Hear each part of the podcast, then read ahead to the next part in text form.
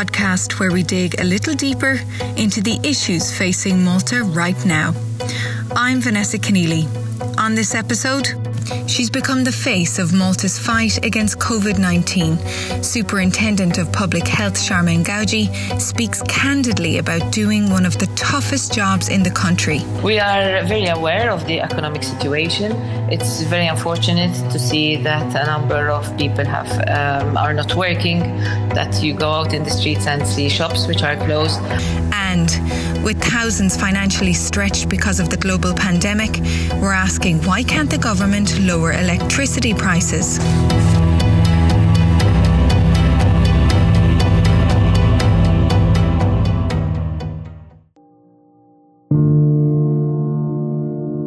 Her title is Superintendent of Public Health, but it seems Charmaine Gauci has become so much more than that to many in Malta. For the past two months, she's been the bearer of bad news, but has been praised for her calm and measured response to the pandemic. The public have written songs about her, superimposed her face on the Virgin Mary, and labelled her a hero. Graduating as a medical doctor in 1991, Gauci specialised in public health safety and went on to complete a PhD in epidemiology. She's written multiple academic papers on topics such as communicable diseases, influenza, as well as vaccinations, making her more than qualified to head up Malta's task force tackling the virus. And she still found time to be a guest on this episode of Times Talk. Hello, it's a pleasure to be with you. Can you talk to me about what the next few weeks will entail in terms of phasing back to normal? Any measures which will be reintroduced need to be reintroduced very, very carefully. So, this is very important from our end that we continue to enhance our surveillance program so that we will be able to pick any um, changes in the epidemiology that we are seeing and so that we will be able to monitor any interventions that we make. Could you give more specifics because people are, you know, a little bit confused in other countries such as New Zealand, for example, they have different levels of what this opening state phases mean. That is still a transition strategy, still in discussion. So we will be um, giving that information as soon as we finalize our analysis of the situation and which is um, the best scenario for the local situation. So you're just still in the in the formatting stage in terms of when shops can open and, and different types of businesses? That is being looked in very carefully so that we will be able to then take the appropriate decisions, um, which is in timely and also proportionate to the current situation.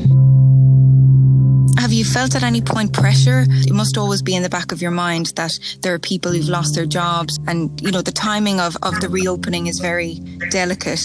How do you cope with that pressure?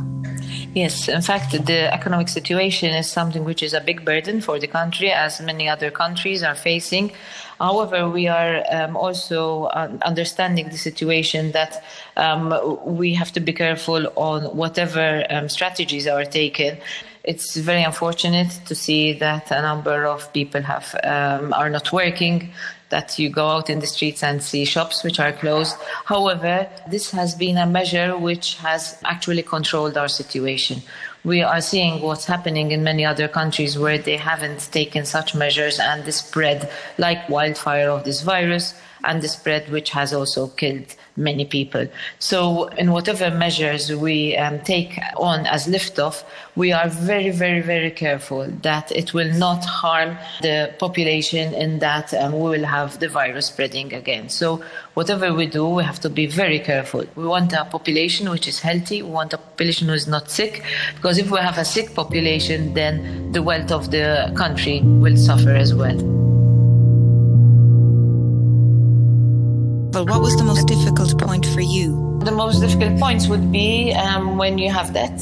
That's the most um, uh, unfortunate situations that um, having to um, announce that we know that um, uh, something which um, can happen and something which has happened. True, it's a small country, but still the number of cases that we've had were, were low compared to others. Personal level, how have you found the last seven weeks? Honestly, it's a situation whereby I have seen something which is marvelous, whereby we have got all the people um, coming in, um, working all around the clock. Um, here we are the COVID response team, the public health COVID response team. We work through a flat organization whereby we work um, very closely with each other people are enjoying working because um, we know that we are doing things um, which is evidence based. We measure everything that we do. We learn from other countries and also we work together. We work together so very well in teams and also we work with various other entities, with the hospitals, with primary care, with the private sector and also with non-health sector. Um, so all it takes is being given to the public, and it's an honor for us to be leading this situation because we know that we're giving the full of it and the full of it with evidence based and carefully measured. How do you keep up the momentum and the strength mentally and physically to do the job? Um, the strength um, uh, uh and the striveness through it is, is provided by seeing results. Because when you see results, when you see the situation being under control, and you see the energy of the team around me, um, it gives me more strength and also the support of everyone, support of immediate family, wider family, but also support of the general population who are very understanding of the work that we do. We know that there are people who are suffering um, out there, but they are understanding as well that this has to be done because they are understanding what could happen from the what they're seeing on the media um, in other countries. Is there anything on a personal level that you're missing? Being in lockdown and working so much? Perhaps I miss um, watching a nice film in the evening, but um, it's fine. Um, and also missing and not being in close contact with the parents, but I understand that um, we cannot have the physical contact. Um, right now, because we need to protect everyone uh, as well to make sure that we can go through this.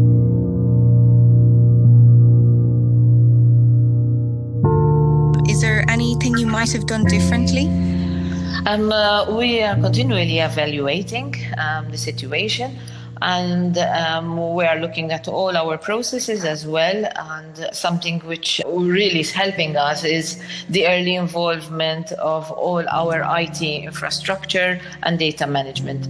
That is proving one of the things which um, has helped us a lot and um, we're continually investing in it. So that is something which really has helped out throughout the time and we could really have started it earlier but now it's full up and running and um, we're keeping up with the demand and all the um, information that it is providing us with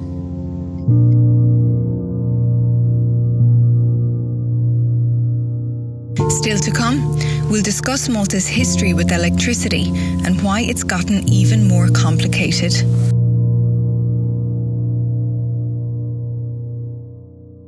At the Times of Malta, we know this is a tough time for everyone, and we're going through it too. We're doing our best to bring you the most factual information every day and put pressure on authorities to answer all of your questions and more. But independent journalism costs money and we need your help. Please go to www.timesofmalta.com forward slash donations and give us as little as €2. Euro. Thank you.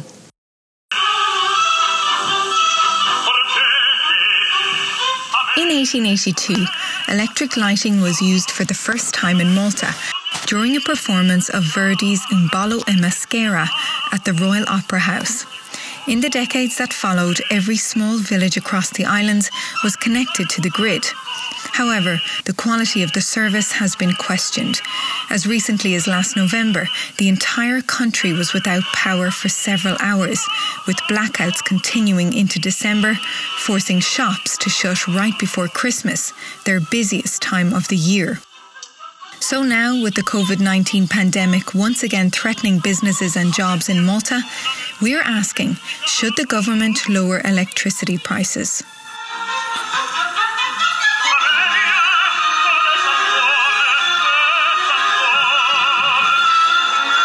Joining me now is Times of Malta reporter Jacob Borg. Hi, Jacob. Hey, Vanessa. So let's start at the beginning. Where does Malta get its energy from? Uh, there are two primary sources. There's an interconnector that basically hooks up the Maltese grid with Sicily, and then there's this consortium of, of different business interests who supply supply to the state energy company, with LNG.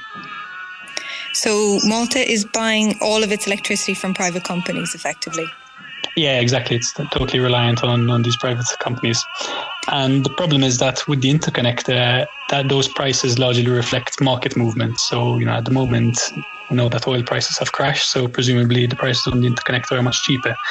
Whereas with the electrogas, with the LNG that we're buying, the government actually signed a fixed five year contract that has kind of tied us into pretty high rates. And was it always this way? Um, no, basically, Malta, just to give you a bit of history, has been in debt for ages. And 2013, the, the new Labour government tried to tackle this. Uh, I did this by basically selling one third of the stake to Shanghai Electric Power, that's a state owned Chinese company. And it also entered into this long term power purchase agreement with Electrogas.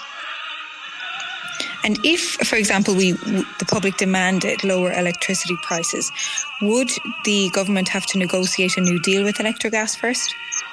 Um, well, as Finance Minister Scicluna told us in an interview recently, it's you know it's really not that simple anymore because you've got the you've got the Chinese stakeholders who are shareholders in Enemalta, so obviously they have their own interests when it comes to the tariffs.